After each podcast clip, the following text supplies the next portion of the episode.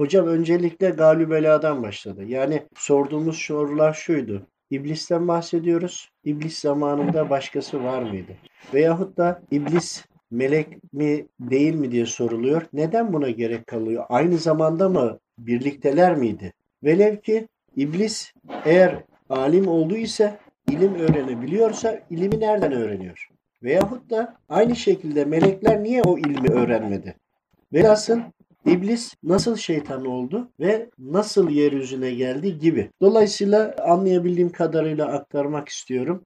Rabbim yardımcımız olsun. Doğrusunu bilen Rabbimdir. Bizler kul olarak anlayabildiğimizi aktarmaya çalışacağız. Şimdi en baştan Galibela'dan başlıyor hocam anlatmaya. Galibela'da bütün yaratılanlar Rabbimin nurundandır diyor. Her şey bir nurdur. Tabi soruyorum hocam iblis de bir nur muydu? Tabii ki diyor nurdu. O Allahu Teala'nın kulu değil miydi? Peki neden iblis lider olabildi? İlim olarak bu kadar ilerleyebildi? Çünkü bizim anlayabildiğimiz, ulaşabildiğimiz bir yerde bununla ilgili bir netice yok. İblis neden meleklere lider oldu? Neden ilim öğrendi? Bize bu sorunun cevabı lazım. Öyle değil mi? Rabbim Galibela'da bütün nurlarını yarattı. Ezelden ebede bütün kullarına. Nurlarından, kullarından yani bazıları derecesini daha da artırmak istedi. Artırmak isteyince Rabbim sizi imtihana tabi tutarım denildi. Bu defa bu kullar Rabbimle anlaşma, ahitleşme yaptılar.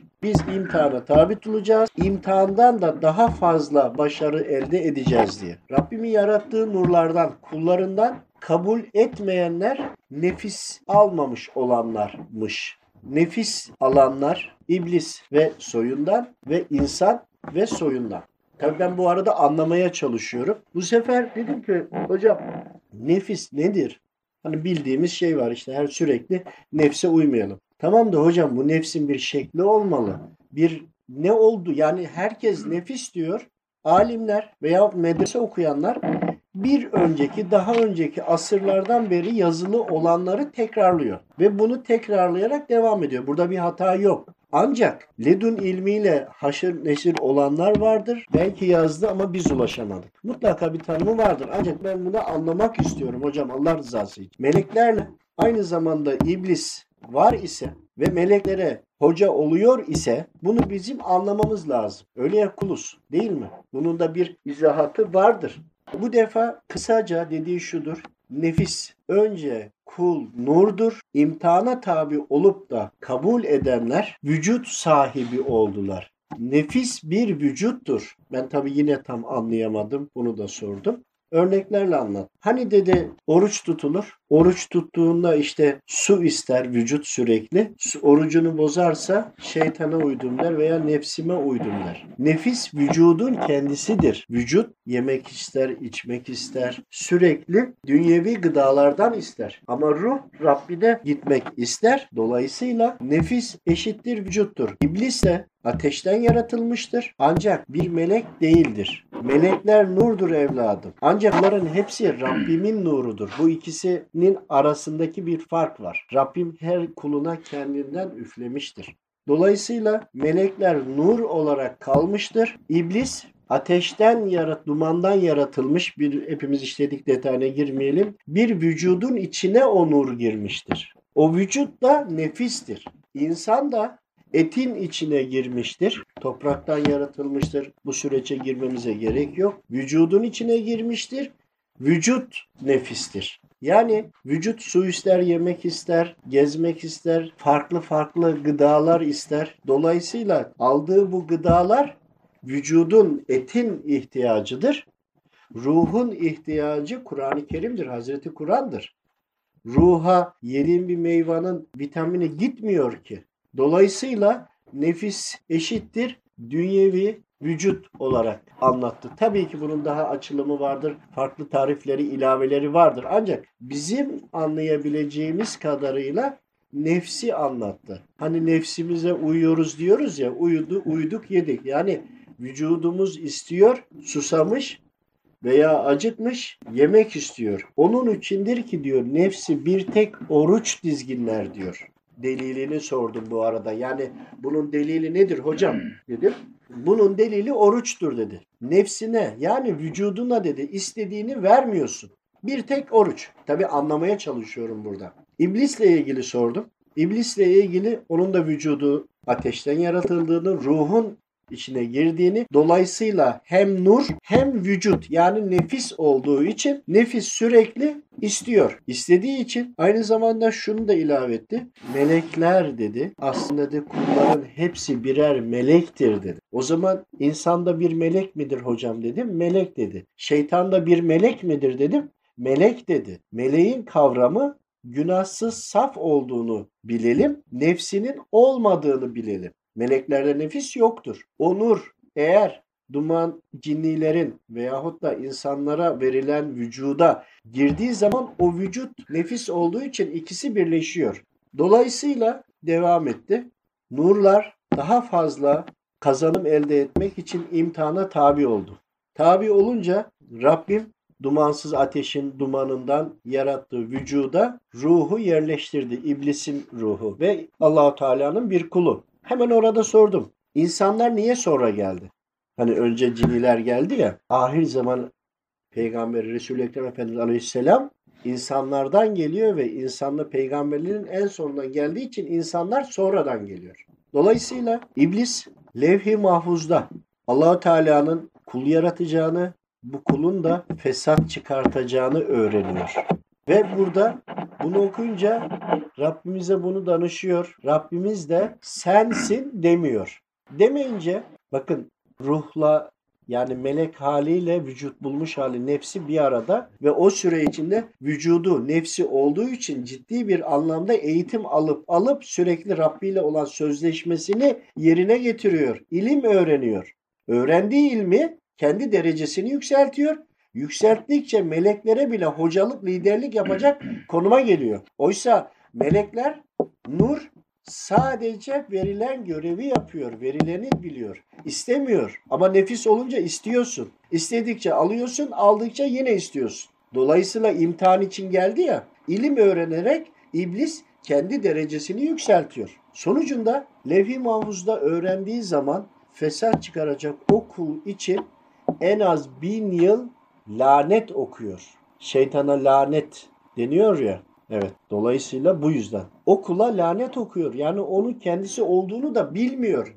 O zaman alim bir kul, Allahu Teala'yı bilen, meleklere dahi imamlık edecek kadar önde olan bir kul, Allahu Teala'yı tanıyan, harfiyen uyan bir kulun lanet etmesini Rabbim kabul ediyor.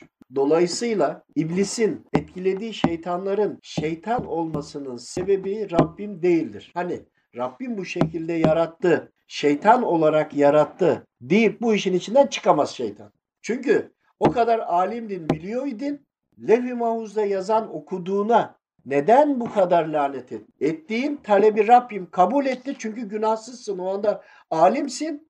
Alimin ettiği duaları Rabbim kabul etmiyor mu? Kabul etti. Solu dolayısıyla kendine gelmiş oldu. Yani biz hastalara bakarken asıl konumuz beddua eden, lanet okumuş birisi varsa kendine lanet okuyor. Küçük şeytan. Buraya kadar anlattığımda anlamamız gereken bu. Lanet eden kendine bulaşır. Dolayısıyla lanetin sahibi şeytan dolayısıyla ifrit bize gelip yerleşmeye hak kazanır. Asıl özü bu. Bugün işimize yarayacak olan bu. Dolayısıyla beddua eden, lanet eden benzeri durumlarda şeytanı ifriti görevlendirmiş, ruhsat vermiş olur. Dolayısıyla sihir büyü yapmış olur. Cinci birisine gitse, üzerine musallat olanları görmüş olsa dese ki sana şu kişi sihir büyü yaptı, doğrudur, yapmıştır. Çünkü o kişiye gidersin ben kesinlikle yapmadım diye yemin eder. Böyle o kadar çok vakalarımız var ki. Ama sonra dersin ki beddua ettin mi? Ettim der. Bedduadan musallat olmasının sebebini şimdi anladık mı? Peygamber Efendimiz sallallahu aleyhi ve sellem buyuruyorlar ki esleme şeytani. Benim şeytanım Müslüman oldu. Evet. Açıklamasını. Bizde hep yaşanmışlıklar olduğu için onunla ilgili bir vakayla ilgili anlatalım. Bu sürekli sohbetlerde Allah diye bağırıyor ya çirkin bir şekilde avazı çıktığı kadar. En son dedim ki bunun üzerindeki şeytanı yani cinniden bahsediyoruz. Musallat ifritten bahsediyoruz aslında. Dedi ki bunun üzerindeki Müslüman değil. Şimdi nefsine göre bu aslında çok güzel bir örnek oldu. Nefsine göre hareket eden onun bir ifriti var, şeytanı var. Nefsi ona bu kapıyı öyle bir açmış ki nefsi bunun içinde nefsine bağlı olarak da oradan izin kartıyla iblis, şeytan, ifrit dolayısıyla gelmiş bunun vücudunda içinde yaşıyor. İblis imansız tarafa götürmek istiyor. Musa abimiz de sürekli tarikatlarda, sohbetlerde gidip sohbet dinleyip namazını kılarak, ibadetini ederek yaşamaya çalışıyor. Fakat yanındaki şeytanı galip geliyor.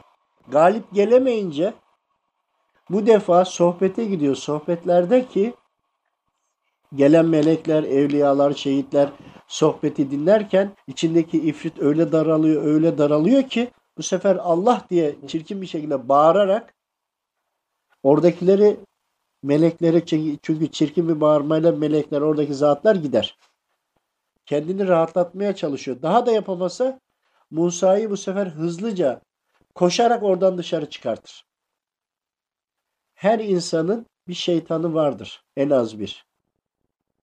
Yani ifritlerden bahsediyor. Onlar da biz gerçekten salihane ibadetimizi yaparsak, tesbihatımızı, zikrimizi yaparsak, onu sürekli yanımızda olduğumuzu bilelim. Yalan söyledin, o sana yani acıyarak bakacak. Ama sen doğruyu söyledin, doğruyu yapmaya çalıştıkça bu defa senin hani yol arkadaşına benzersin ya, arkadaşına benzersin ya, ya sen ona benzeyeceksin ya o sana benzeyecek.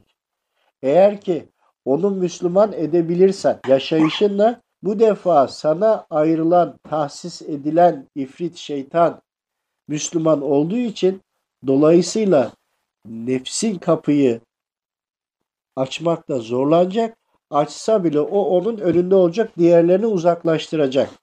Şöyle düşünün, cisim olarak bizim yanımızda korumamız var.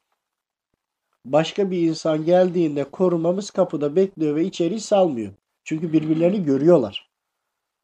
Dolayısıyla eğer o Müslümansa Müslüman olmayanları uzaklaştıracak. Dolayısıyla sen içeride nefsinle fazla mücadele etmeyeceksin.